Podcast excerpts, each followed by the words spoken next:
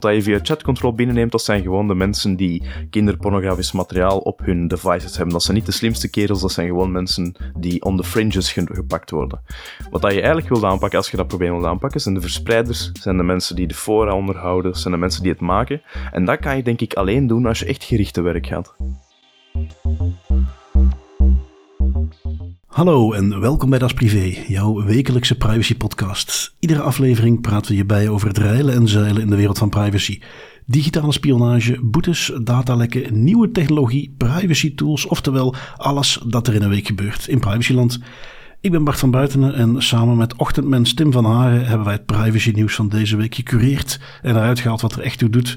Want Tim, het spijt me, maar omdat ik binnenkort eventjes eh, weg ben, heb ik jou vroeg uit bed gesleurd om deze aflevering toch nog op te kunnen nemen. De show must go on. En ja, dat mag ook wel. Uh, in het teken van de voetbalcompetities die weer zijn begonnen, komt de Nederlandse Voetbalbond, de KNVB, met een mooi staaltje AI en surveillance om overlast in stadions op te sporen. De Europese toezichthouders geven nog eens even flink af op de chat control wetgeving. En de Nederlandse politie heeft uh, à la Europol besloten om nog eens flink wat data bij te gaan houden die ze eigenlijk niet meer hadden moeten hebben of die ze misschien zelfs nooit hadden mogen hebben. We hebben nog wat privacy drama, wat Europese spyware, de Duitse autoriteiten die flink doorpakken. Oftewel, privacyland was uh, gewoon weer lekker bezig de afgelopen week. Ik heb ook nog één kleine huishoudelijke mededeling. Privcon. Um, de, ja, tegen dat deze aflevering online staat, is de early bird korting afgelopen. Is de prijs voor het ticket dus 45 euro duurder. Maar voor onze luisteraars maken we daar graag een uitzondering voor. Dus als je nog niet hebt ingeschreven voor Privcon en nu hoort en denkt, oh verdorie, daar wilden we toch bij zijn. Uiteraard onze privacyconferentie op 5 oktober aanstaande. Dan stuur je gewoon een mailtje naar bart.dasprivé.be en zet je daar iets in zoals ik luister de podcast en ik wil graag mijn korting nog. En dan komt het helemaal in orde. Dus uh, dat wilde ik toch nog even meegeven. Dat dat voor de luisteraars van de podcast geen probleem is om die alsnog te krijgen. Voor wat hoort wat tenslotte. Um, dan vliegen wij erin, Tim, met ons eerste artikeltje van deze week. Je hebt iets moois meegenomen van het NRC. Uh, de KNVB die met allerlei nieuwe snufjes is iets wilt gaan doen aan de overlast. Uh, maar uiteraard hebben ze volledig rekening gehouden met alle privacybeginselen. Uh, uiteraard, dat zal wel zijn. Hè. De, de de KNVB, gaat inderdaad, heeft op 1 juni bekendgemaakt dat ze bij drie clubs een pilotproject zijn gestart om met slimme technologie discriminatie in de stadions te bestrijden. Uh, het plan dat onder andere voor miljoen euro gesponsord wordt door het ministerie van Volksgezondheid, Welzijn en Sport, moet supporters op drie verschillende manieren beteugelen. Dat zijn eigenlijk hun drie pilaren die ze in de pilot hebben vastgezet. Um, het moet de sociale veiligheid gaan verbeteren, ongewenst gedrag identificeren en afwijkend gedrag signaleren. En ja, wat beter dan een hele hoop AI, camera's en geluidsmonitoring om dat natuurlijk tot stand te laten brengen. Hè? Om het eventjes in praktijk te, te, zetten van hoe gaat dat nu eigenlijk in zijn werk, dat pilotproject. Um, het zijn drie stadions, die hebben elk een eigen manier aangepakt, of die hebben eigenlijk een eigen aanpak omschreven van hoe dat ze dit willen gaan doen. Uh, bij Feyenoord wordt een niet nader gespecificeerde innovatie ingezet om ongewenst gedrag te signaliseren, registreren, identificeren en te sanctioneren. Dat klinkt al redelijk onheilspellend.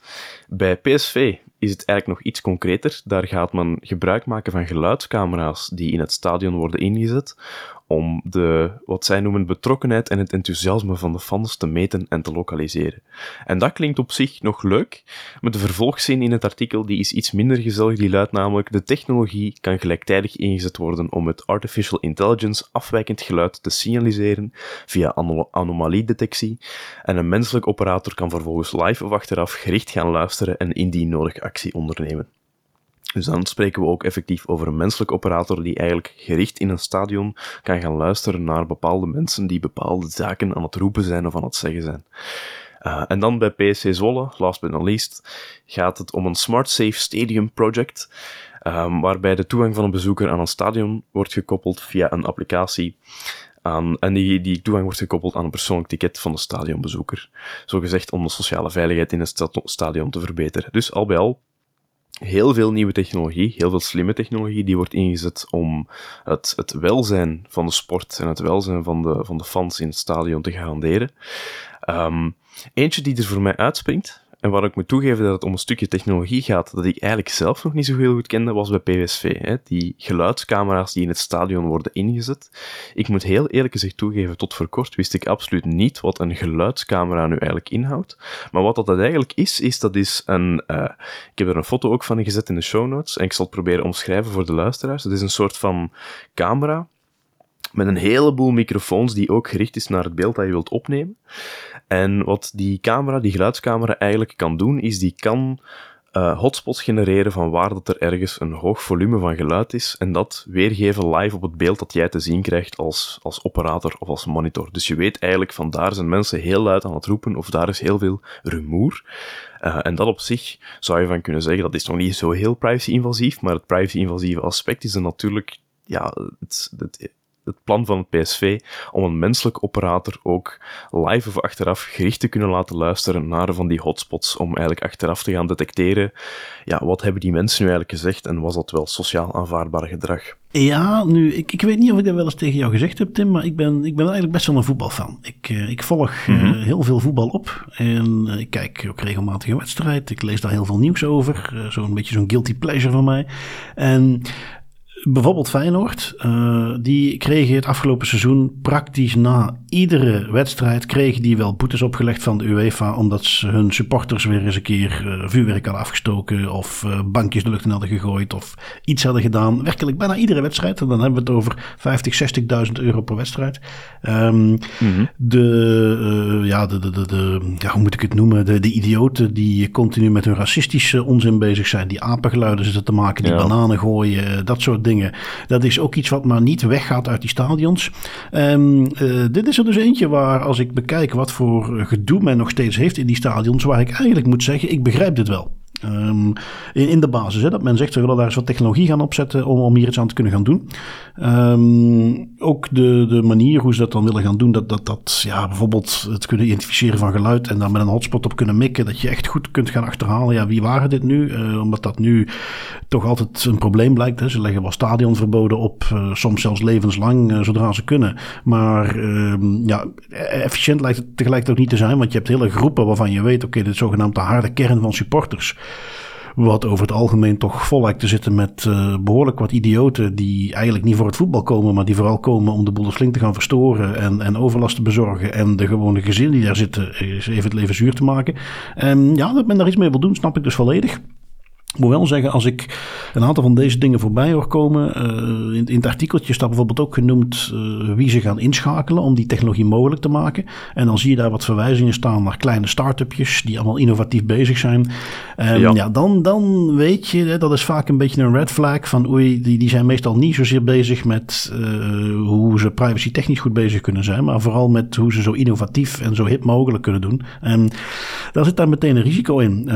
ik, ik zie ik vind de beperking goed in die zin, het is weer een stadion. Het is iets waar je als mensen binnenkomen ze heel goed kunt informeren wat er gaat gebeuren. Het is iets wat je heel goed specifiek kunt maken. Ik denk dus dat hier alle ingrediënten aanwezig zijn om dit privacy by design technisch goed aan te pakken. Ik denk ook, en dat is iets wat je vaak mist, hè, dat is iets waar wij heel vaak aanhalen. Het gebrek aan, aan noodzaak uh, dat er binnen het voetbal en binnen die stadions bewijs genoeg is dat er echt iets aan moet gebeuren. Dus ik ben aan de ene kant pro dat men daar zelfs met dit soort technologie iets mee gaat doen. Ik ben wel heel erg um, achterdochtig als ik zie wat voor bedrijfjes daarmee bezig zijn. Uh, of dit wel echt privacy by design is zoals het zou kunnen zijn. Um, ja, dat, dat is flink afwachten, denk ik.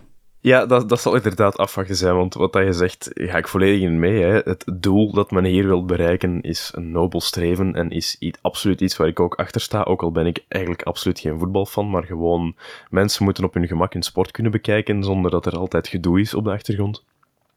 En dat men daarvoor die technologie inzet, kan ik ook zeker in volgen, want het is nu eenmaal heel handige technologie die, als je die gericht gaat inzetten, positieve resultaten kan teweegbrengen. Maar inderdaad, dat is waar ik een klein beetje op ben vastgelopen in het artikel ook, is dat men daar dan zegt van ja, we gaan niet samenwerken met de grote bedrijven die toch wel wat ervaring hebben en iets privacy matuur zijn, uh, maar we gaan gewoon samenwerken met startups. En dat is nu eenmaal de aard van het beestje en dat is niet per se iets tegen startups, maar startups hebben vaak niet alle middelen en resources om ook meteen alles rond data protection mee te nemen in hun plan.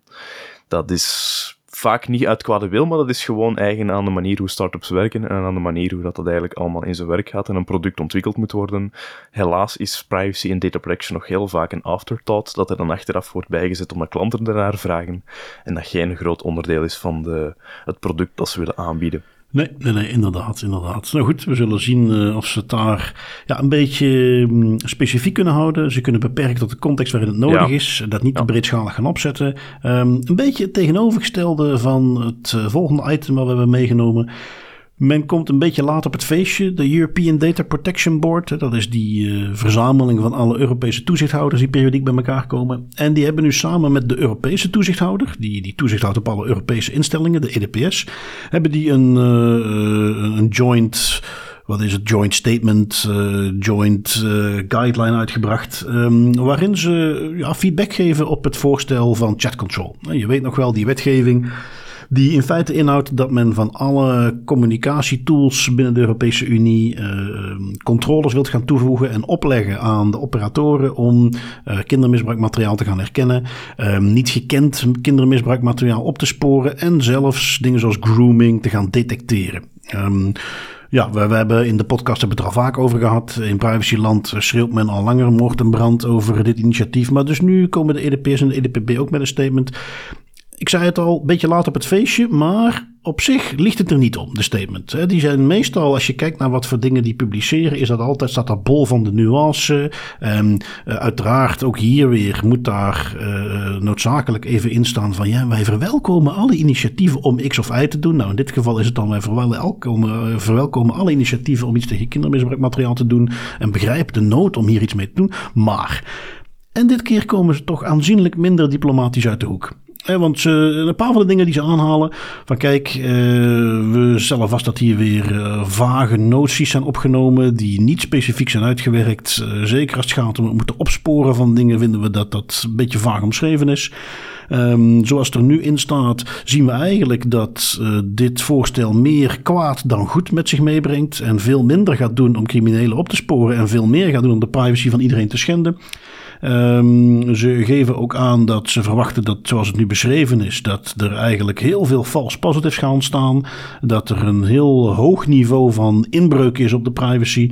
Um, dat het uh, generalistische karakter waarmee dus alle communicatie moet worden ge, uh, ja, gedetecteerd, moet worden uh, bekeken, dat dat zo heftig is dat dat eigenlijk in het Europees Charter van Fundamentele Rechten niet verantwoord kan worden.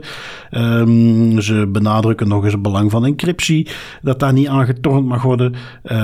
ze halen nog eens aan dat dat nieuwe Europese coördinatiecentrum wat daarvoor opgericht moet worden, dat dat ook weer een heel leuk idee is, maar dat dat toch eigenlijk wat beter ingebakken moet zitten. Dat dat moet samenwerken met uh, andere autoriteiten. En niet zomaar op eigen houtje dingen kan gaan doen. Dus allemaal heel zinnige dingen.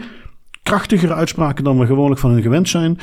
Ik heb daar voor de rest niks aan toe te voegen. Ik bedoel, inhoudelijk is dat iets wat we al lang geroepen hebben. Maar toch uh, de manier hoe zij dat hier nu omschrijven, de, de, de kracht van de woorden, waar ze normaal gezien heel erg diplomatisch zijn. En het ja, formele standpunt, dus dat de EDPB en de EDP's daar op deze manier in staan. Ja, ik hoop dat dat toch enig effect heeft op dat voorstel wat er nu ligt en dat ze daar uh, effectief aan gaan sleutelen.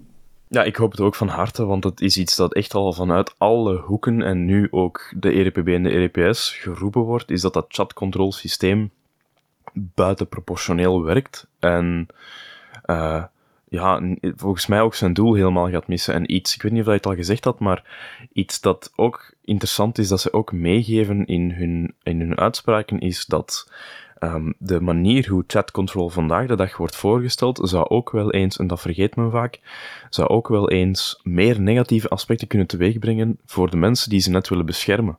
En als we het dan hebben over, over kinderen bijvoorbeeld, als je ervoor gaat zorgen dat een kind geen communicatie meer heeft die geëncrypteerd is, die, die niet meer privé is, om het zo te zeggen, waar dat iemand gewoon continu op zaken op kan gaan detecteren en kan gaan monitoren, dan, dan uh, gaan die zich, als die dat te weten komen, ook op een duur bekeken voelen en beluisterd voelen.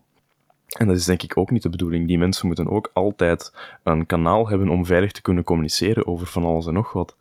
Dus ik, ik zie gewoon geen manier hoe dat chatcontrolsysteem vandaag te rijmen valt met de, zowel met de privacy aspecten die wij kennen vanuit de GDPR-wetgeving bijvoorbeeld, maar ook inderdaad vanuit het Charter of Fundamental Human Rights.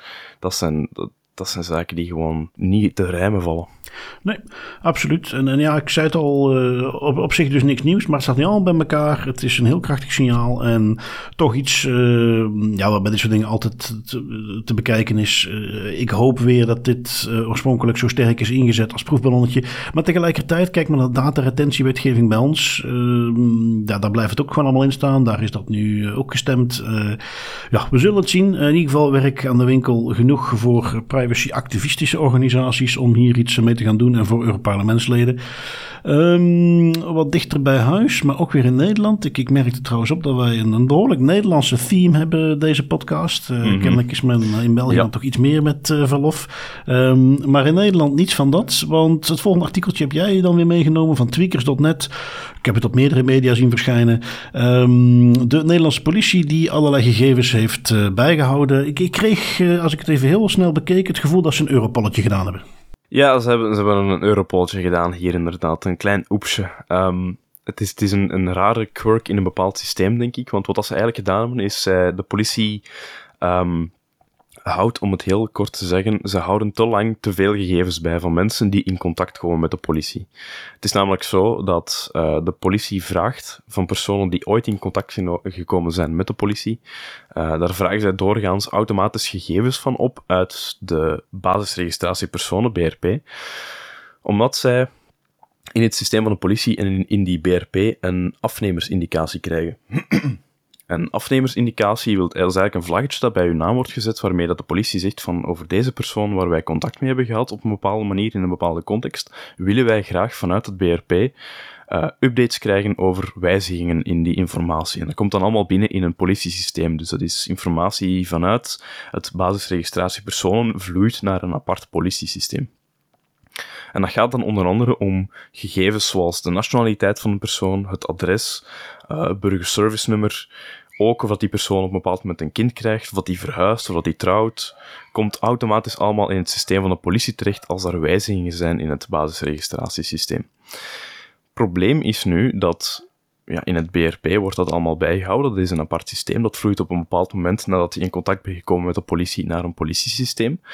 En daar gaat het fout, want daar zijn geen checks ingebouwd om te garanderen dat die informatie op een bepaalde, na een bepaalde periode ook weer verwijderd wordt uit het politiesysteem. Die blijft daar oneindig lang staan.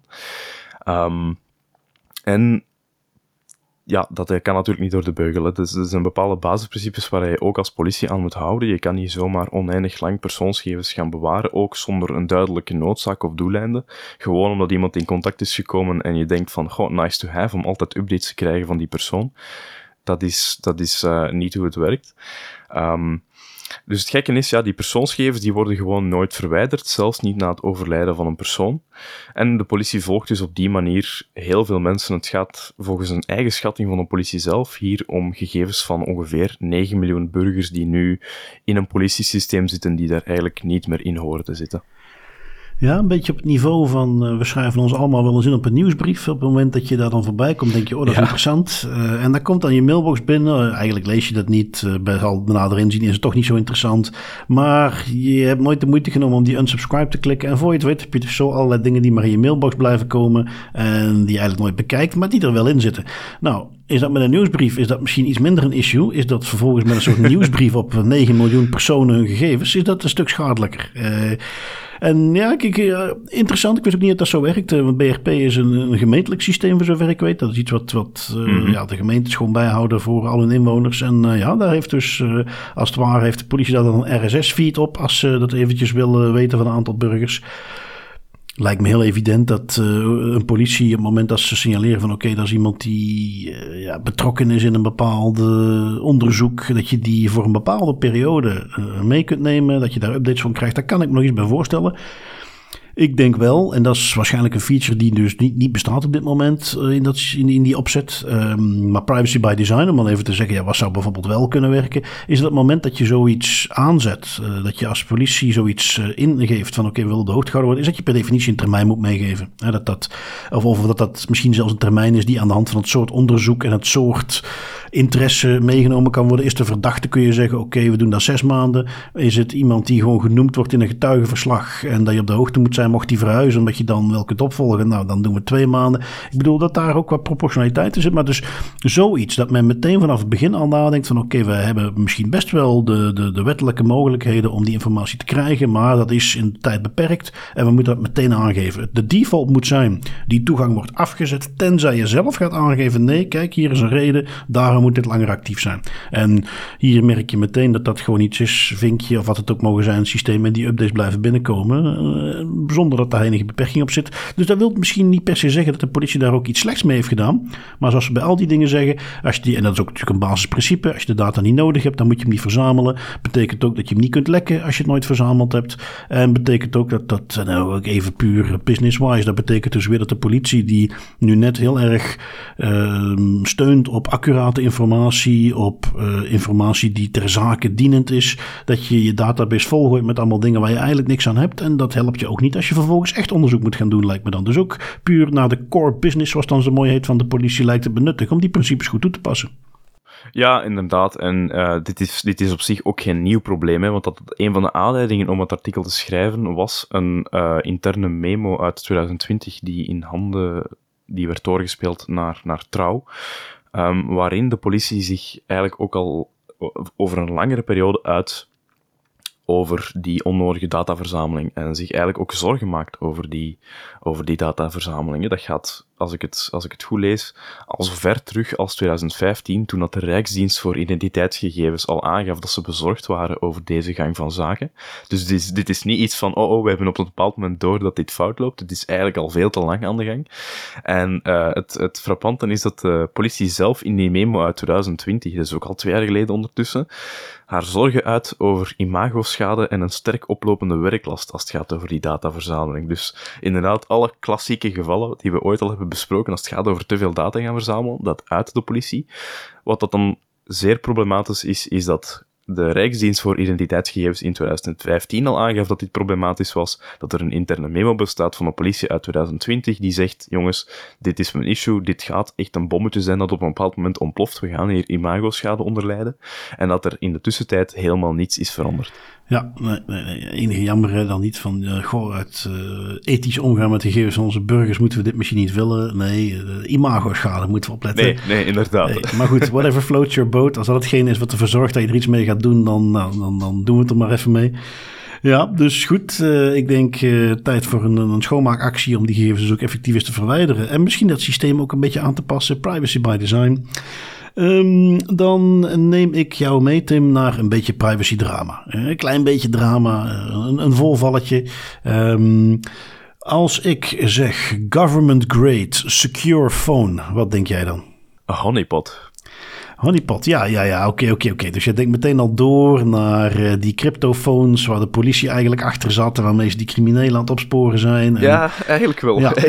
nu wel, ja. Ja, ja. oké. Um, ehm, ja, dat dacht ik nog niet meteen aan, maar natuurlijk wel, als ik zoiets hoor, uh, military grade, government grade, ja, dan denk ik meteen bullshit. Uh, sowieso, dit is weer een of ander bedrijfje dat weer even wilt inspringen op de hype en iets wilt gaan verkopen. Um, en dat is ook waar deze vandaan komt. Dit is unplugged.com.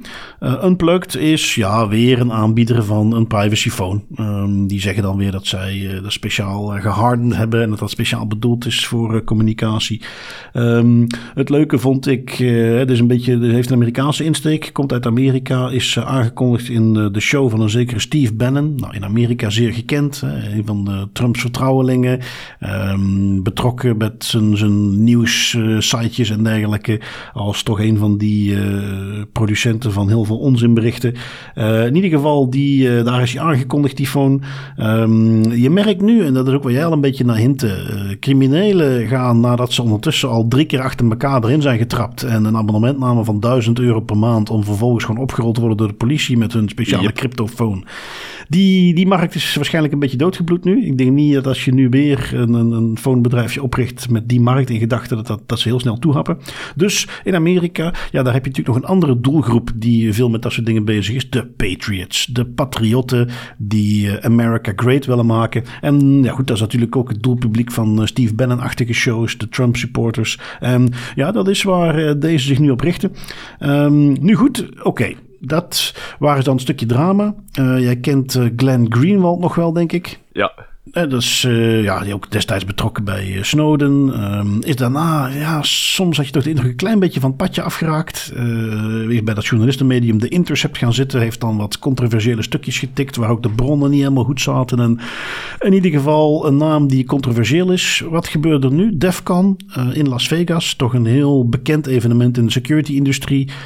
als je, ja, als je in, in security land zit, dan ken je DEFCON absoluut. Dat is een van de grootste conferenties ter wereld. Voor alles wat met security te maken heeft. En daar had Unplugged aangekondigd, uh, ook uh, mailtjes rondgestuurd naar journalisten, van ja, wij gaan uh, Glenn Greenwald bij ons hebben. En ook een mailtje naar journalisten met van ja, goh, je kunt een one-on-one gesprek krijgen met Glenn Greenwald, waarin hij onze telefoon gaat pluggen.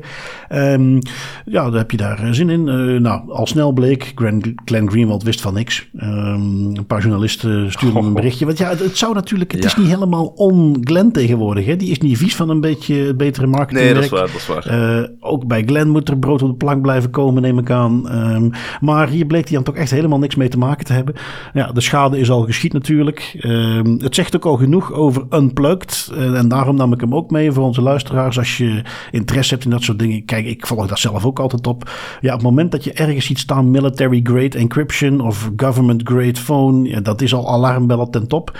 Um, en, en dus als je, en dat is wat wij ook altijd proberen te doen als wij een nieuw toeltje meegeven zoveel mogelijk achtergrond proberen te achterhalen van wie zijn de oprichters, waar komt het vandaan, uh, zijn er al reviews van geweest om dit soort dingen eruit te halen. Want nog weet, het was dus een beetje privacy drama, maar ook gewoon een goede reminder. Er zijn partijen die weten dat dit hot is en die presenteren weer iets en je moet ook altijd goed op je hoede zijn. we hebben direct nog een artikeltje wat daar wat aan voorbij komt, dat het ook wel effectief is wat het zegt dat het is. Ja, ja, en inderdaad. En als je dan toch die, die dringende nood hebt om al je communicatie te gaan verbergen, dat hoeft niet via een government of military grade secure phone. Je kan ook gewoon Google Pixel en onze guide, die op onze website te vinden is, gaan zoeken om er Graphene OS op te zetten. Dat is ook altijd een manier. Dan heb je er ook nog iets leuks aan, een zondagnamiddag om je mee bezig te houden. Of gebruik gewoon Signal en ga op in de massa. Genoeg manieren om het vandaag de dag toch nog iets obscuurder te houden. Je moet daarvoor niet military grade gaan. Ik vind ook altijd heel grappig dat, en dat is heel vaak bij Amerikaanse zo, dat men uh, uitpakt met military grade, alsof dat, dat zo fantastisch is, alsof dat robuust en sterk is en nooit gekraakt gaat worden. Terwijl, als we dan kijken naar wat bijvoorbeeld, dat, dat is altijd, dat is een, dat is een beetje een, een, grap die in bepaalde kringen rondgaat, is dat military grade eigenlijk vooral wil zeggen, het moet zo goedkoop mogelijk en zo efficiënt mogelijk gemanufactured kunnen worden door de overheid, want het moet, ja, het moet, het mag geen geld kosten, hè. het moet gewoon naar de militairen gaan, het moet zoveel mogelijk gebruikt kunnen worden. Dus eigenlijk is dat niet zo'n geweldige term om te gebruiken. Ja, kijk, het hangt er maar vanaf. In Amerika denk ik dat daar toch meer, zeker bij het doelpubliek, de vibe hangt van ons Amerikaanse leger is fantastisch en alles wat ze hebben is geweldig en wij zijn het meest geavanceerde leger ter wereld en dan werkt military Great. Ik denk inderdaad, als je bij ons software gaat publiceren waarbij je zegt van militair niveau, dat er toch wel een aantal twijfels ontstaan meteen uh, als dat gebeurt. Ja, zeggen uh, veel mensen van nou, het is goed, nee dank ik. Laat maar, uh, was dat niet het ministerie van Defensie dat laatst gehackt was door de Chinezen? hebben die niet al die Huawei-routers hangen? ja, dus nee, dat heeft dan toch niet hetzelfde effect. Um, ik eh, zit even te kijken, dan heb jij er nog eentje meegenomen. Security.nl, tweakers.net uh, besteden aandacht aan. En dat gaat om de hackbevoegdheden van de Nederlandse politie, die ze dan ook eens een keertje ingezet hebben. Ja, inderdaad. De, de Nederlandse politie heeft iets haar hackbevoegdheden kunnen, ingezet, kunnen inzetten om uh, in dit scenario een 46-jarige man uit Zaandam te arresteren. De man werd twee weken geleden aangehouden, wordt verdacht van het beheren van een online kinderpornografisch chatplatform uh, en verschillende kinderpornografische websites. Dus uh, ik denk dat dat wel proportioneel is om daar dan je hackbevoegdheden voor gaan inzetten. Dat is ook altijd een redelijk gerichte actie. Um, interessant om te weten is daar het onderzoek naar die man in Nederland startte vorig jaar in oktober nadat er informatie uit de Verenigde Staten was ontvangen. Maar dat is eigenlijk niet waarom ik het artikel heb meegenomen, want het is een heel interessant artikel. Het is ook heel interessant om eens te kijken hoe dat die hackbevoegdheden worden ingezet. Um, maar er is een bepaalde paragraaf in het artikel dat mij triggerde.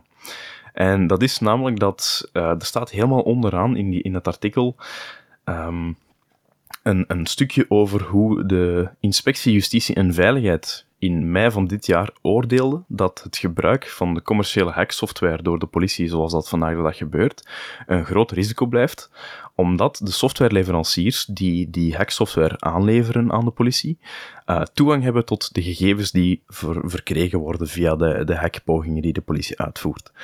En om het eventjes rechtstreeks te quoten uit het artikel, volgens de inspectie is de hacksoftware voor zowel de politie als inspectie een black box en is onbekend hoe die precies werkt. De softwareleverancier kan hierdoor toegang tot alle binnengehaalde informatie krijgen, wat een risico is. En dat is denk ik nog licht uitgedrukt. En ook iets waar ja, men wel eens stil bij mag staan, denk ik, dat als men op een bepaald moment hackbevoegdheden gaat inzetten via commerciële hacking uh, dat men ook wel eens mag gaan nadenken over wie dat er nog allemaal toegang heeft tot die informatie die verkregen wordt via die hacking tools. Want dat is iets, als we, als we het hebben over, als ik bijvoorbeeld gewoon al kijk uit eigen ervaring naar hoe uh, streng men in bepaalde contexten is op het vlak van leveranciers die software moeten aanleveren, maar die dan zelf geen toegang rechtstreeks mogen hebben, of die heel zwaar gelogd worden om bepaalde toegang te krijgen tot de systemen.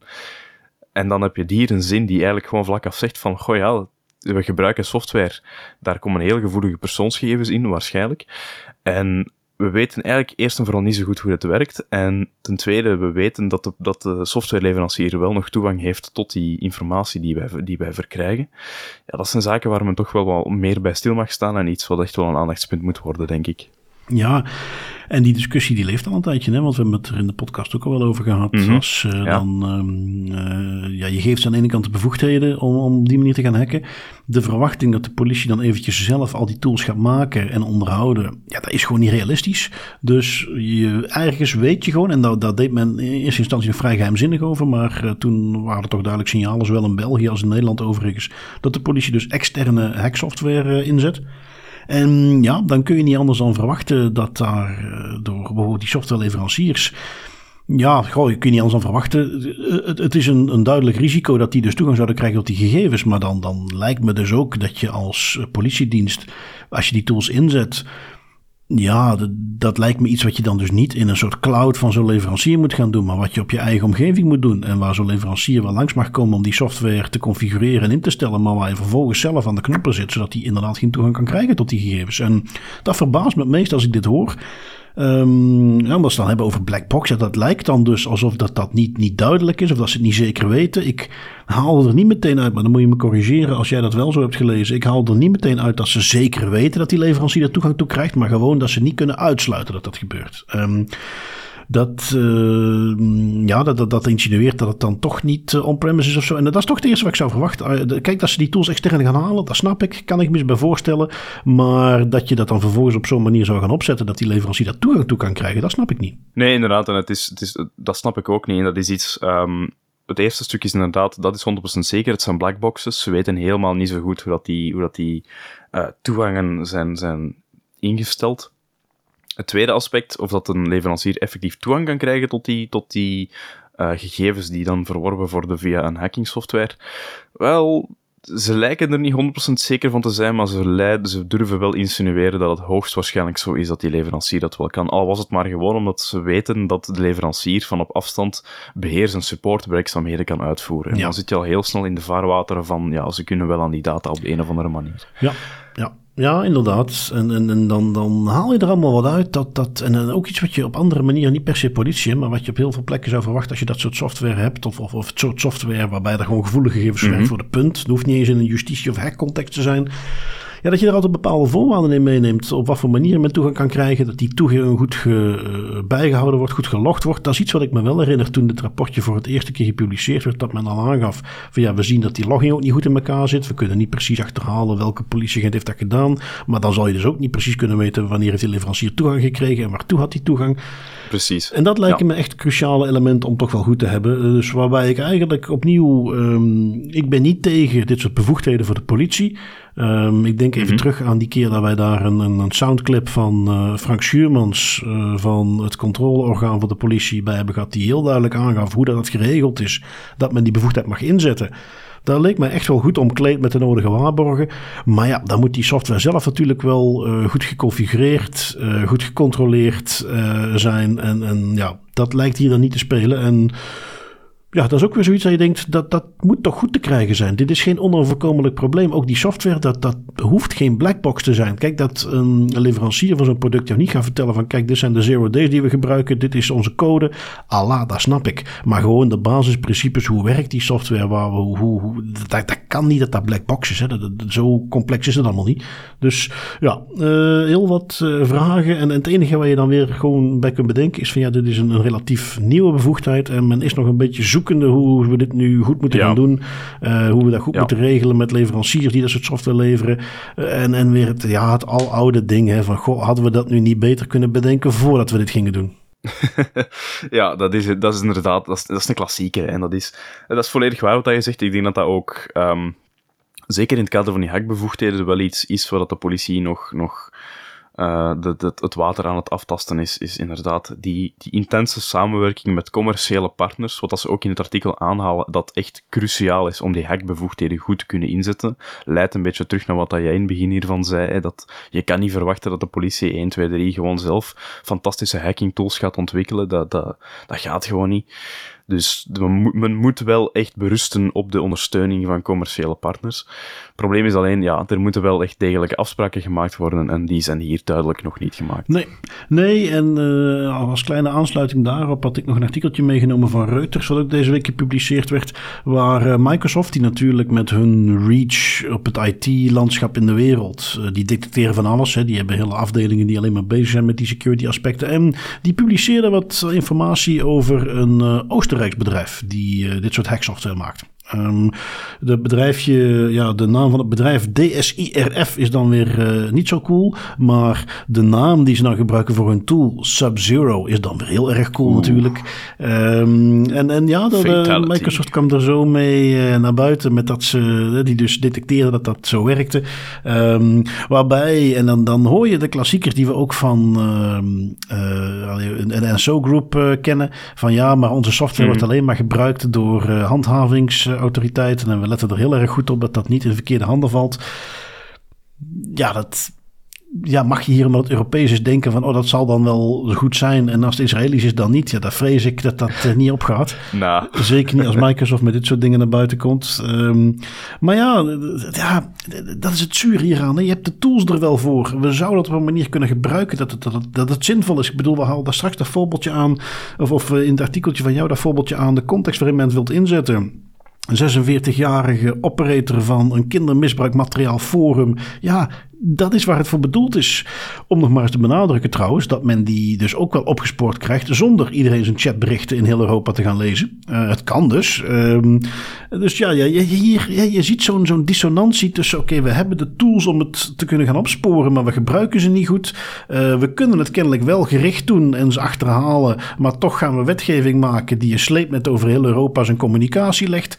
Um, ergens heb je gewoon het gevoel dat waar men dan de wetgeving maakt en waar men echt met die opsporing bezig is en daartussenin er heel veel ruis zit en, en, en men op hele andere sporen denkt. Terwijl uh, eigenlijk, en dat is dan het positief om hier even uit te halen. Als je alles op rijtje hebt, heb je het gevoel, hier zit een middenweg in waarin we die dingen kunnen doen, waarin we de software hebben om het te doen, waarin we politie hebben met bevoegdheden om het goed te doen en waarin we dat op zo'n manier kunnen doen dat niet iedere burger in Europa zijn communicatie daar slachtoffer van wordt. Dat kan. Uh, maar men gaat daar gewoon even iets beter naar moeten kijken. Ja, precies. En dat is denk ik ook, uh, dat is de crux van wat dat heel veel privacy-activistische organisaties ook willen bereiken. Um, allee, gewoon al van voor ons sprekende. Als wij argumenten of als wij cynisch of kritisch zijn op bepaalde initiatieven, dan is dat niet om dat helemaal aan een andere kant te trekken en het niet meer te gaan doen en alles dicht te timmeren en niemand mag meer gevolgd worden, maar eerder om inderdaad een heel extreem invasief idee of een concept meer naar de gulden middenweg te trekken, waar je dat proportioneel kan gaan toepassen op inderdaad misdrijven die effectief een zeer uh, ja, hard effect hebben op de maatschappij. Inderdaad, het gebruik of het verspreiden of het maken van kinderpornografisch materiaal is een van die mooie voorbeelden. Ja, je kan dat ook gericht gaan, gaan, uh, gaan bestrijden. En ik zal zelfs nog meer zeggen, je gaat door zo'n gerichte acties puur gewoon gut feeling, hè, maar ik, ik heb echt het gevoel dat je door zo'n gerichte acties efficiënter te werk kan gaan dan dat je gewoon via een sleepnetweging of via een chatcontrol wetgeving alles binnenpakt. Want dat je via chatcontrol binnenneemt, dat zijn gewoon de mensen die kinderpornografisch materiaal op hun devices hebben. Dat zijn niet de slimste kerels, dat zijn gewoon mensen die on the fringes gepakt worden.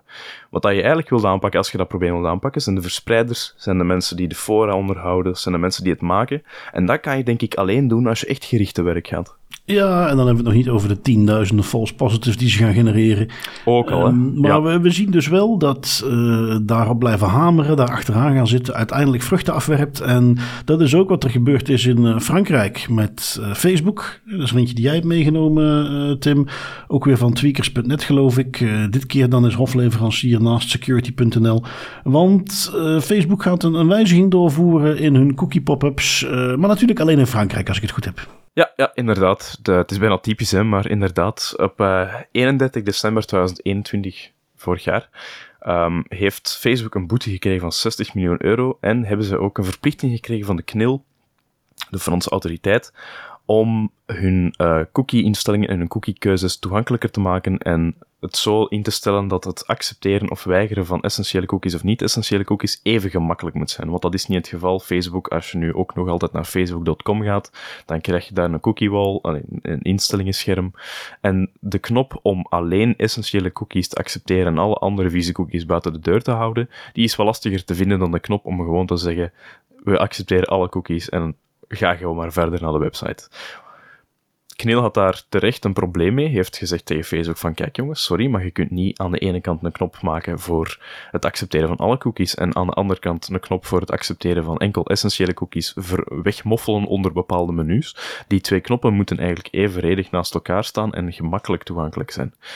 Facebook heeft gezegd, oké, okay, fijn, we snappen het knil, we zullen het doen, maar we gaan het enkel doen voor Franse gebruikers. Dus Franse gebruikers die inloggen op, of die naar de website facebook.com gaan, die krijgen nu een ander cookie-instellingsscherm te zien dan dat wij dat krijgen te zien. Vind ik een klein beetje jammer, want het is nog altijd de Franse autoriteit, een Europese autoriteit, die zo'n uitspraak heeft gedaan. En er zit ook al veel dat Facebook dan expliciet het hier enkel voor Frankrijk gaat doen en niet ineens voor heel Europa, zoals het eigenlijk zou moeten zijn. Want dat is gewoon een interpretatie van de GDPR-wetgeving en de GDPR-wetgeving is van toepassing op heel Europa. Ja, om met een beetje te muggenziften. Het is een interpretatie van de e-privacy-richtlijn. Well, ja, van de e-privacy, sorry. Dat we daar, eh, voordat we daar uh, boze privacy-experts in de mail krijgen. Want ze hebben natuurlijk gelijk, dat is een, een Je bekende... had het gezegd, hè Bart, het is nog heel vroeg voor mij. Ja, dat is een bekende pet peeve. goed, dat gezegd zijnde, dat is het, het issue wat ik hier ook meteen zie. Ik bedoel, heel goed dat ze dat nu doen. Um, ik merk ook nu bij Google, alhoewel ik die zoveel mogelijk probeer te vermijden, maar als ik nog eens een keer op een browser kom waar ik toevallig nog niet Startpage heb geconfigureerd en ik kom op Google Search uit, daar heb je dus nu heel netjes die knop uh, uh, reject all. En dat is degene die ik structureel aanklik. Ik denk ook naarmate dat er meer van dit soort uitspraken komen, dat die bedrijven gewoon gaan doorhebben als wij mensen echt een transparante keuze bieden. Zeker uh, met wat er allemaal gebeurd is de afgelopen jaren. Gaat iedereen op reject all klikken. Dus de cookieless era ja. zit recht aan te komen. Enfin, dat gezegd zijn, het probleem wat ik hier dus mee heb is dat um, het weer alleen maar in Frankrijk is. Hè. En, en eigenlijk vind ik dat die Europese toezichthouders hier een systeem moeten hebben waarbij dit soort uitspraken, waarbij het niet zo moet zijn dat dat, want kijk, dit is bindend in Europa. Hè. Dit is dezelfde systematiek. Er is niemand die nu betwist van, oh, maar zou het in België dan wel gelden? Nee, dat geldt in België ook. Maar Facebook uh, heeft nog geen uitspraak, uh, heeft nog niemand die het afdwingt en dan doen ze het gewoon niet. Um, en dat is dus iets waar, als dit soort er komt, dan moet dat eigenlijk Europees zo geregeld zijn. By the way, dat is de Franse knil. Wij als European Data Protection Board verklaren deze uitspraak bindend voor heel Europa. Dus autoriteiten, jullie hoeven daar niet nog een heel lange procedure voor te doen. Voortaan kunnen jullie lekker makkelijk gaan beboeten als Facebook dit binnen nu en een maand nog steeds in jullie landen ook zo doet. Ik noem maar wat. Um, dat zou hier helpen om te zien dat met Google ook weer, die hebben nu uh, weer een verbod gekregen op het gebruik van, of ja, niet Google, maar heel veel 500 scholen in Denemarken het verbod gekregen om Google mm -hmm. uh, Chrome uh, te gaan gebruiken, Google Workplace. Maar dat is dan weer alleen maar in Denemarken. In Nederland heeft de overheid daar heel veel werk in gestopt en dan gaan ze nou aanpassingen doen. In België worden die aanpassingen dan vervolgens niet doorgevoerd, terwijl we hier met hetzelfde probleem zitten. Dat blijft keer op keer terugkomen. En die Amerikaanse big tech jongens, om daar toch maar eventjes daarop in te zoomen, die doen niet liever dan de uh, ja, diversiteit die we als Europa graag willen behouden. Dat we allemaal ons eigen staatje om wat uit te buiten zoveel ze kunnen. Om er maar voor te zorgen dat, ze dan in het Greenland moeten doen, niet anderen moeten doen. Dus daar zouden we, bedoel, het is geen uh, utopisch beeld van Europese samenwerking. Het is redelijk makkelijk op te zetten dat we voortaan eens voor zorgen als er zo'n uitspraak komt, dat dat meteen eventjes gewoon in heel Europa geldt. Um, even zien, ja, springen we dan toch weer eventjes de oceaan over naar Canada deze keer. Um, Canada, waar ik toch, uh, misschien ook omdat ik die volg op Twitter, maar waar die autoriteit, de privacyautoriteit, toch ook redelijk actief is, veel bezig is. Um, waarom ik deze extra opvallend vond, we hadden al een keer aandacht voor Tim Hortons, de, de, de Starbucks van Canada, die een, ook een appje hadden. Uh, dat appje bleek al tijdenlang ook de locatie van gebruikers te tracken, wat natuurlijk volstrekt onnodig was, ook als ze niet in de de app staat of in de Tim Hortons. Um, daar is een rechtszaak van gekomen en daar is nu een soort settlement aanbod uitgekomen. Um, nou, dan denk je van oké, goed, hè, wat zal dat zijn? Uh, 500.000 euro of dollar, dat is zo'n beetje de standaard voor dat soort dingen. Um, nee, niet helemaal het geval. Het uh, offer wat hierin staat, je kunt een gratis koffie en een koekje krijgen ter waarde van 10 Canadese dollar, 7,50 euro. En dat is dan het settlement offer. Ja, lijkt mij dat dat niet voldoende gaat zijn. Ik, ik vrees er ook een heel klein beetje voor. Het is de, wat een idee ook. Hè. Moet toch, daar moet er iemand heeft dat effectief. Dat zijn altijd de dingen waar ik bij stilsta als je zoiets banaals te zien krijgt in een settlement offer als dit. Iemand heeft dit geschreven. Niet, dat, niet, niet één persoon, maar er, heeft, er zijn mensen die hier hebben over nagedacht en gedacht van, weet je wat, een grove privacy schending, onterechte locatietracking.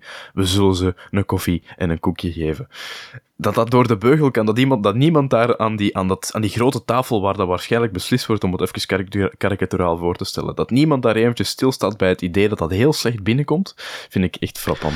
Nou ja, dit, dit is denk ik, um, zo moeten we zien, want voor de zekerheid, dit is niet de uitkomst van een rechtszaak, dit is een aanbod nee. wat ze vanuit Tim Hortons doen om te voorkomen dat er een rechtszaak komt. Hè. Dus ze zeggen het ook, wij erkennen hier geen enkele schuld mee, wij willen gewoon een rechtszaak voorkomen en dus we doen je dit aanbod. En op het moment dat je daar dus op ingaat, dan mag je dus ook niet meer meedoen in een eventueel latere echte rechtszaak. Um, en ja, die schatten kennelijk in dat de meeste mensen eigenlijk zo weinig om hun privacy geven als puntje bij paaltje komt, dat als ze worden omgekocht met een, uh, een koffie en een koekje, dat het voor hen al voldoende is. Um, leuk precedent zou het natuurlijk scheppen, want vervolgens Facebook, Google, uh, dan uh, weten ze het heel goed gemaakt. Voortaan zijn alle consent pop-ups zijn vergezeld van een cadeaubonnetje voor een koffie en een koekje. En hoppakee, heel Europa data ligt voor het grijpen. Um, ik denk dat dat zo niet gaat werken, maar hey, ze konden het maar proberen. Um, wat heb ik nog meegenomen? De laatste als uitsmijtertje. Um, Amerika, TheVerge.com heeft dit uh, gepubliceerd. Um, we, we, kennen, en dat is iets wat, wat hier in Europa ook wel eens speelt, in Amerika. Waar hadden we, het, we hadden het al een tijdje terug hadden we het eens voorbij laten komen. Waar mensen die in een rechtbank moesten komen, uh, meteen vrijgesproken konden worden. En dat ging dan vaak om, om bepaalde boetes en dergelijke. Als ze gewoon even in de gang hun DNA afstonden. Um, en voor veel mensen die zo'n boete kregen, budgetair, uh, geen 200 dollar moeten betalen, was zeker voor de, ja, de wat armere mensen was dat gewoon een, een no-brainer. En die deden dat dus en die gaven daarvoor een DNA af. Nou, veel heisa, um, het kan nog een stapje erger. In uh, New Jersey hebben ze een, een, andere manier om het te doen. Um, we hebben dat hier in België ook trouwens, in, heel Europa, volgens mij waarschijnlijk een groot deel van de wereld. Als een kind geboren wordt, um, wordt er meteen bloed afgenomen en worden die gescreend op een heleboel uh, ziektes, uh, afwijkingen. zelfs al na zoveel weken. We hebben in België de, de NUP-test, heet dat geloof ik, waar er al een screening plaatsvindt. Wel na geboorte gebeurt dat nog eens.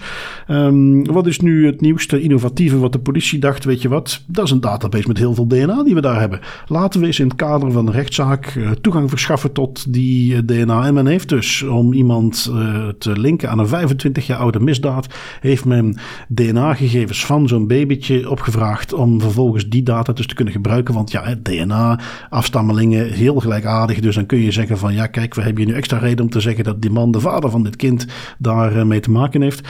Um, ja, is iets wat dus naar buiten is gekomen en waar wel meteen veel heisa om te doen is. Maar gewoon al het feit dat ze dat effectief, dat iemand dat bedenkt om wat te gaan doen, dat is toch wel ook weer heel erg 1984-eske.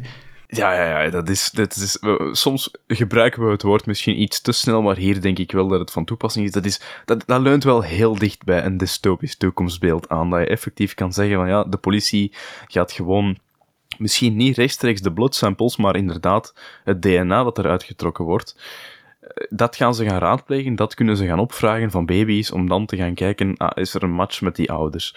Dat is, ja, dat, ik, ik heb daar heel weinig woorden voor, behalve dat is echt iets wat je dus niet wilt, en is ook iets dat, ja, ik denk enkel maar in Amerika kan, mag ik hopen. Ja, Thank God ja. voor GDPR, zou ik hier nog zeggen. Ja, ja, ja, ja absoluut, absoluut. Uh, uh, ja, hoe wijdverspreid dit is, dat moet uh, nog blijken. Ze hebben nu één voorval ja, aan het licht gekomen. En, en laten we hopen dat dit uh, geen wijdverspreide praktijk was. En dat ze dit tijdig in de kiem kunnen smoren. Dus ik wil niet gaan beweren dat dit een standaard praktijk is die in Amerika toegestaan is. Maar gewoon het feit dat ze eraan denken en dat ze het effectief al doen. En dat ze de ja. mogelijkheden hebben om te doen. Dat er nergens iemand aan de bel trekt van... Ah, jongens, misschien moeten we daar eens even over nadenken.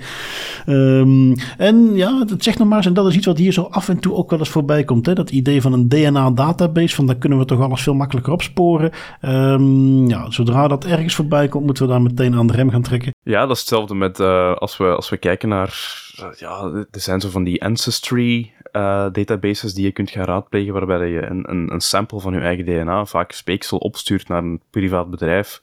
En zij gaan dan gaan kijken van hoeveel procent.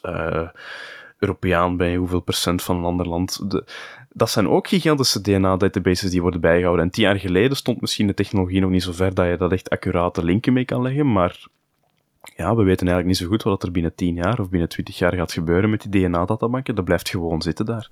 Nee, dus uh, iets om altijd aandachtig op te zijn. Um, even zien, dan zijn wij toe aan ons stukje van de datalekken.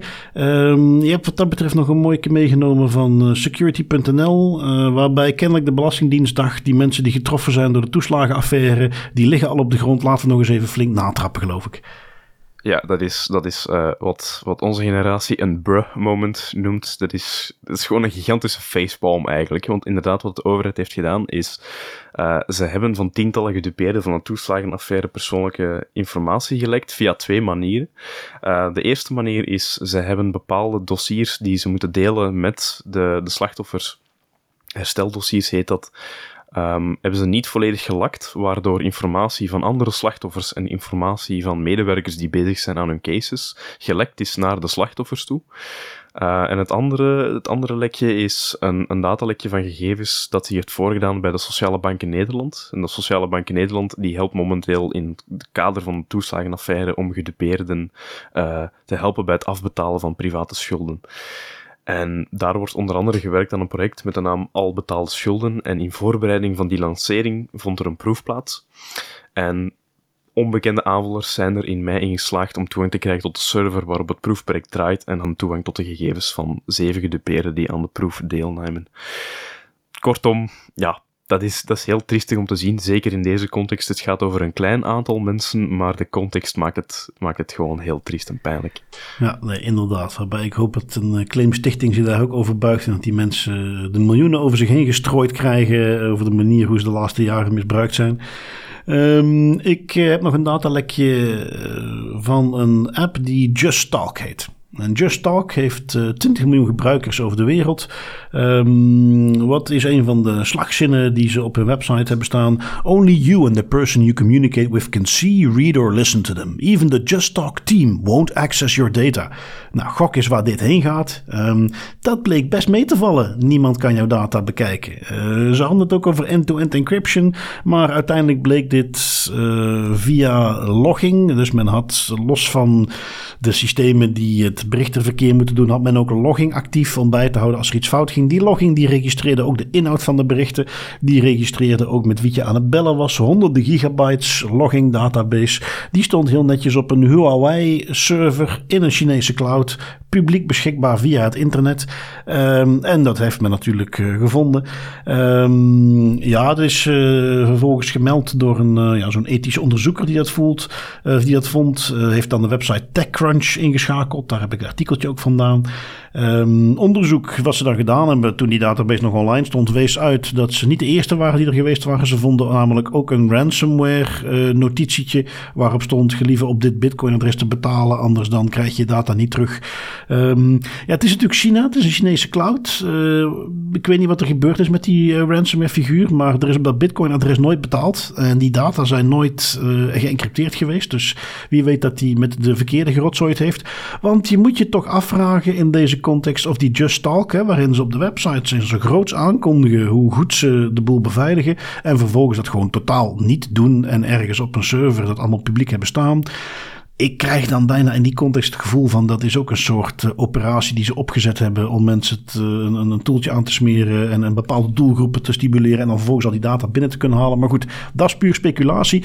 Wat geen speculatie is, is dat we dus een database hadden het een appje met uh, 20 miljoen gebruikers en waar honderden gigabytes aan logingegevens met gesprekken, telefoonnummers en dat soort dingen terug te vinden waren. Publiek beschikbaar op het internet. Moet toch kunnen? Ja, ja dat, dat, moet, dat moet zeker kunnen, misschien in China. Het uh, is nog maar eens een argument voor het hele open source gebeuren eigenlijk. Hè. Zeker als het gaat over end-to-end encrypted platformen en applicaties waar je zelf met de nodige kennis of door mensen die de nodige kennis hebben, kan laten verifiëren dat wat een bedrijf beweert ook effectief zo is. Want iedereen kan zeggen, only you and the person you communicate can see, read or listen to them. Maar het gaat eigenlijk gewoon aankomen op hoe is het technisch ingesteld en hoe staat die end-to-end encryptie nu eigenlijk in zijn werk. En al de rest, that's just window dressing. Ja, ja, absoluut. Daar uh, transparant in zijn is de basis van al het vertrouwen wat je wilt uh, opwekken. Um, goed, zijn we toe aan onze autoriteiten. You will respect my authority! En dit keer gedomineerd door de Duitsers, zowaar. Je hebt de eerste meegenomen. Mm -hmm. Volkswagen is tegen de lamp gelopen. Ja, ze zijn tegen de lamp gelopen en ze hebben een valse start gemaakt met een prototype waar ze aan werken. Um, en daarvoor hebben ze een boete gekregen van 1,1 miljoen euro. Waar ging het nu eigenlijk over? Wel, het, het bedrijf had uh, camera's geïnstalleerd op een testauto. Uh, was gaan rondrijden met die testauto met als doel een soort een, een, driving assistance systeem, een rijhulpsysteem, te gaan trainen met behulp van die camera's om, om verkeersongelukken te voorkomen. Klein probleempje daarbij is, je, je rijdt natuurlijk doorheen wat ik aanneem zijn, zijn dorpen of steden of, of toch plaatsen waar ook mensen komen, met een auto die vol hangt met camera's. En dan zijn er bepaalde zaken fout gelopen. Um, volgens, het, volgens het besluit van de, de autoriteit was het zo dat er geen informering was gebeurd over de camera-auto. Uh, al stel ik me dan wel de vraag van, ja, hoe ga je in godsnaam als je zo'n testrit wilt gaan doen op een publieke weg, de mensen goed gaan informeren, dan moet je eigenlijk al bijna bepaalde zaken gaan afzetten of ergens in het groot daar stickers op plakken van je wordt gevolgd. Ja, het is eigenlijk Zoiets zou je kunnen doen. Uh, precies dat. Ze hadden het over het gebruik van magnetische stickers die je op de auto kon plakken waar dan camera, pictogrammen en zo op stonden. Ah, voilà, oké. Kijk eens aan, dat wist ik zelfs niet. Maar dus, voilà, dat is dan de manier om, het, om de mensen te gaan informeren, dat je tenminste weet van, kijk, ik, word ge, ik, word hier even, ik kom hier eventjes in beeld. Um, vervolgens hadden ze ook geen verwerkersovereenkomst afgesloten met het bedrijf dat de, wat dat zij noemen, de journeys uitvoert, dan de, de ritten met de wagen en de analyses van de camera's, denk ik dan. En, last but not least, dat is denk ik nog de, de ergste van allemaal, een klassieker, ze hadden geen DPA uitgevoerd. En ja, hier hebben we natuurlijk wel over monitoring van publieke omgevingen. En dan moet een DPA altijd uitgevoerd worden. Ja, en dan zegt de Duitse autoriteit Volkswagen graag even 1,1 miljoen aftikken. Dus je merkt dat yes. ze het hier toch wel zeer serieus namen. Wat ik ook nog wel goed vond, is dat die autoriteit benadrukte... Kijk, het onderzoek wat uh, Volkswagen deed op zich hadden we geen moeite mee. Dat had prima gekund. De wettelijke basis was in orde, maar het waren allerlei randvoorwaarden die ze uh, niet hadden ingevuld. Um, ja, redelijk basic. Hè, zal de boete ook al aan bijgedragen hebben. En ik denk ook een honest mistake van Volkswagen, want uh, de, de, op, helemaal beneden op het besluit staat ook heel duidelijk Volkswagen has cooperated extensively with de DPA, wat dat ook heel veel wil zeggen over de goodwill en, en de, de zaken die ze willen gaan doen. Ja, ja, weet je wat echt een goodwill zou zijn? Dat is als ze gewoon vanaf de start van dat project uh, goede informatie voorzien en DPA uitvoeren. Dat is niet nieuw, hè? Ik zie het ook een beetje hoopvoller, oké? Okay? Ja, ja, ja, ja, oké, oké, oké. Ehm, even zien, ja, dus in Duitsland uh, zijn ze wel een beetje on a roll, want uh, ik heb nog een leuke. Ja. De, ja. deze, goed, leuk als je privacy nerd bent misschien, maar in ieder geval um, overheidsaanbesteding. in, wat is dit geloof ik? Ik heb er niet bij staan waar het was. Ga, sowieso Duitsland in ieder geval. maar dus een Duitse rechtbank die heeft een overheidsaanbesteding teruggedraaid. We hebben dat uh, in Vlaanderen ook al eens gezien. Hè, dat men een uh, toekenning van een over openbare aanbesteding. Je weet hoe dat gaat. De overheid zegt wij willen graag dit bereiken. Dit zijn de dingen die we willen hebben. Dit zijn de features die je moet hebben. Dit zijn de voorwaarden waar je moet voldoen. En dient u maar in. En dan een proces met waar je uh, punten krijgt op jouw aanbod. En dat gaat dan voor een stukje over prijs. Dat gaat over kwaliteit. Dat gaat over een heleboel dingen. Um, een van de dingen die hier ook in stond was dat je een oplossing moest aanbieden die uh, voldeed aan de voorwaarden rond gegevensbescherming. Daar was echter geen uitsluitingsvoorwaarde. Dus als je daar niet goed op scoorde, dan nou ja, oké, jammer, maar dan mag je nog steeds gewoon meedoen. Um, de winnaar van de aanbesteding had dan een Amerikaans moederbedrijf. Daar is dan protest tegen aangetekend. Waar dat in de Vlaamse context destijds uh, door de Raad van State werd gezegd van nou ja, hm, hoeft die geen probleem te zijn. In, in de documentatie zien we dat ze de nodige maatregelen gaan nemen. Dus dat zal wel in orde zijn. Is dat hier dus zeker niet het geval. En werd hier van de Duitse bronnen die ik las dus eigenlijk een beetje het precedent geschept dat ze zeiden van ja goed als jij dus als eh, partij aanbiedt op een uh, overheidsaanbesteding en je hebt een Amerikaans moederbedrijf ja dan kun je het eigenlijk gewoon schudden. Want die maatregelen die je moet nemen die, die ga je waarschijnlijk nooit kunnen redden. En dus dit, dit uh, kan een potentieel heel heftig precedent zijn. En daarom dat ik hem dus ook mee wilde nemen want er is op zich geen boete of iets uitgesproken maar mm, de bronnen die ik las zeiden van ja dit kan eigenlijk wel eens gewoon de facto gaan betekenen dat in Duitsland als jij een Amerikaans moederbedrijf hebt, dat je het gewoon kunt vergeten om op overheidsaanbesteding in te dienen. Want die gaan altijd bestreden worden en je hebt een Amerikaans moederbedrijf. Dus ja, dan heb je een probleem. Uh, iets wat ik overigens gewoon toejuich, laat ik er niet omheen draaien. Ik vind dat prima. Um, dat is iets, uh, dit soort optredens, daar, dat, dat zet zoden aan de dijk. Dan uh, gaan Europese alternatieven, waar wij natuurlijk ook een leuk lijstje rond hebben, die gaan voet aan de grond krijgen. Um, ik heb de andere die ik uit Duitsland heb meegenomen, vond ik ook wel interessant. Een boete van 900.000 euro. Nieder-Saxe, de autoriteit daar, heeft deze opgelegd.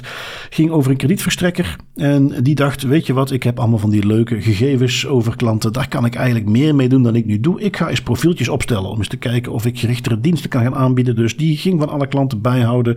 Wat voor aankopen doen ze bijvoorbeeld in appstores? Hoe vaak gaan ze online hun bankgegevens bekijken? Wat is het totaal aan die ze online doen. Want ze wilden zich heel specifiek gaan richten op meer digitale producten. Dus wilden ze even weten welke klanten zijn daar het meest vatbaar voor.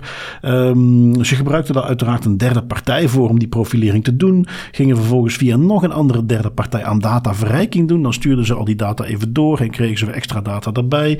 En dat alles hadden ze gedaan door ergens in allerlei extra documenten die werden toegezonden wel te vermelden dat ze dat gingen doen, maar daar geen toestemming voor te vragen. En dat leidt dan tot een boete van 900.000 euro. Want die toestemming moet je voor dit soort dingen wel degelijk hebben. Inderdaad, en dat kan ook wel eens stellen. Damn, eigenlijk als ik het zo bekijk, inderdaad, de Duitse, de Duitse autoriteiten, they were on a roll deze week. Ja, niks geen vakantie in Duitsland. Dat is, uh, nee, dat is inderdaad. Um, eentje... IPD nog zijn siesta aan het uitslapen is. Ja, ja, ja, dat kan. Uh, um, eentje die ik niet meer echt ga meenemen, maar gewoon even in twee zinnen ga benoemen. Ook omdat er uiteindelijk, uh, ja, much ado about nothing. Hè, er kwam niet uit wat we hadden gehoopt. Maar de voetbal-tv-zaak uit Nederland, um, heel kort, de autoriteit persoonsgegevens heeft daar zijn zeer strikte interpretatie van het gerechtvaardig belang meegenomen. Om te zeggen, uh, een commercieel belang kan nooit een gerechtvaardig belang zijn. Voetbal-tv, een organisatie die langs de amateurvelden voetbalbeelden opnam en die dan beschikbaar stelde. Um, die uh, hadden dus een boete aan hun been gekregen, 525.000 euro. Daar zijn ze tegen in beroep gegaan. In de tussentijd is Voetbal TV, want die konden hun activiteiten, dat is wat ze wilden gaan doen. Die beelden opnemen, die uitzenden, amateurs daarmee ondersteunen. Voetbal TV is failliet gegaan, uh, maar de procedure is al blijven lopen. En nu heeft dus het hoogste gerechtshof uh, heeft zich in Nederland uitgesproken dat die boete onterecht is geweest. Niet op de manier dat heel privacy minnend Nederland en Vlaanderen hoopte. Namelijk door te zeggen die interpretatie van de AP zo strikt, die is niet correct. Maar door gewoon te zeggen van ja nee kijk, eh, we stellen hier vast dat eh, de dingen die Voetbal TV aanleverde, dat ging niet alleen maar over commercie. We stellen ook vast dat ze zeiden van dat is leuk voor die amateurspelers. Ja dat is geen commercieel ding. Dus AP, het standpunt dat jullie hadden van dit is puur commercieel is niet correct. Dus ga daar nog eens een keer opnieuw naar kijken. Um, en dus niks over uh, die analyse of die, ja zoals dan zo mooi noemen zelf de normuitleg die de, de AP daaraan geeft. En dat was wat teleurstellend. Daar had men toch wel op gehoopt. Uh, misschien zelfs uh, dat de rechtbank wat vragen ging doorsturen naar het Europees Hof. Niets van dat alles. Dus ja, daar valt uiteindelijk weinig over te zeggen. Want die zaak gaat niet meer behandeld worden. Voetbal TV is failliet. Dat heeft geen enkel nut. dat zou ik heel vreemd vinden als men daar toch nog iets mee gaat doen. Um, maar dus ja, toch heel kort eventjes vernoemen. Um, ja, dan zijn wij toe aan onze privacy pointers. En ik ga hem eerst even bij jou leggen, Tim. Wat heb jij meegenomen? Oh, ik heb, ik heb eigenlijk een, een simpele pointer meegenomen voor mensen die um, proberen of voor, om vrienden of familie over te halen om meer privacyvriendelijke tools te gebruiken of wat privacyvriendelijker in het leven te staan en dan vaak heel veel, heel veel kritiek krijgen of weerwoord krijgen of, of gewoon mensen die zeggen van ja, ik heb helemaal geen interesse in privacy, maar maakt mij dan nu uit? kan ik snappen dat dat soms frustrerend is. En dan is mijn voorstel om je strategie een klein beetje aan te passen. En niet per se de privacy of security voordelen in de spotlight te zetten waar die mensen misschien helemaal geen boodschap aan hebben. Um, Ook al snap je dat natuurlijk niet. Maar vooral de praktische voordelen van, van een meer privacyvriendelijke levensstijl in, in de spotlight te zetten. En ik heb een aantal voorbeelden meegenomen van zaken die je echt zo kan gaan hanteren. Stel je bijvoorbeeld beu bent om overrompeld te worden door advertenties op het web. Wel, gebruik dan Brave Browser en, browser en de privacybescherming die krijg je er gewoon simpelweg gratis bij. Heb je geen zin meer om je logins en wachtwoorden te onthouden? Gebruik Bitwarden of een andere passwordmanager, dat je daarmee dan ook netjes unieke complexe wachtwoorden kunt genereren. Dat is natuurlijk mooi meegenomen vanuit een security perspectief, maar het is gewoon praktisch handig. Zo van die zaken gewoon, in plaats van het, het privacyvoordeel dat voor ons natuurlijk heel belangrijk is, in de spotlight te zetten, ga je eigenlijk vooral het praktische aspect in de spotlight zetten. En ik heb vanuit persoonlijke ervaring al gemerkt dat dat vaak veel meer effect heeft. Oké, ja, een nuttige pointer om mensen dan toch een beetje te helpen uh, privacyvriendelijk bezig te zijn, maar uh, ze te overtuigen. En, en uiteindelijk iets wat we als privacy professional in ons werk ook heel vaak moeten doen om uh, de privacy voorwaarden mee te krijgen, toch inzoomen op wat het eigenlijk voor voordelen biedt, los daarvan. Dus zeker een belangrijke. Um, ik heb nog eens een toeltje meegenomen. Skiff, S-K-I-F-F, met de F van frietjes, skiff.com. Um, ehm, een tool die oorspronkelijk begon als een soort, ja, hoe moet ik het zeggen, een, een wiki-achtige opzet. Je kon pagina's aanmaken en je kon er dan in elkaar linken. En het was een soort documentatietool. Maar ze zijn ondertussen uitgebreid als ook uh, veilige mail. Hebben ook een drive-optie waar je dingen kunt opslaan. En is volledig end-to-end encrypted. Um, ik gebruik die sporadisch alles uh, anderhalf jaar lang, omdat ik in de, de alpha meedeed. Ik heb me daar toen voor ingeschreven en ik kreeg toegang. Maar volgens mij zijn ze nu gewoon breed toegankelijk. Um, zijn ook geaudit, uh, end-to-end encrypted. Dus en goed, ja, er zijn ondertussen aardig wat van dat soort tools. Maar met dat ze nu ook mail aanbieden, dus die documentatietool, de Drive, begint het langzaam aan een mature tool te worden. En vond ik het uh, tijd om hem eens een keer mee te nemen. Mm, hele goeie. Nou, en dan met deze privacy pointers sluiten we het weer af voor deze week. Uh, Tim, het was me weer een genoegen. Onze luisteraars, bedankt voor het luisteren. En ik spreek jou volgende week weer, Tim. Ja, zoals altijd, met heel veel plezier. En tot volgende week. Tot volgende week.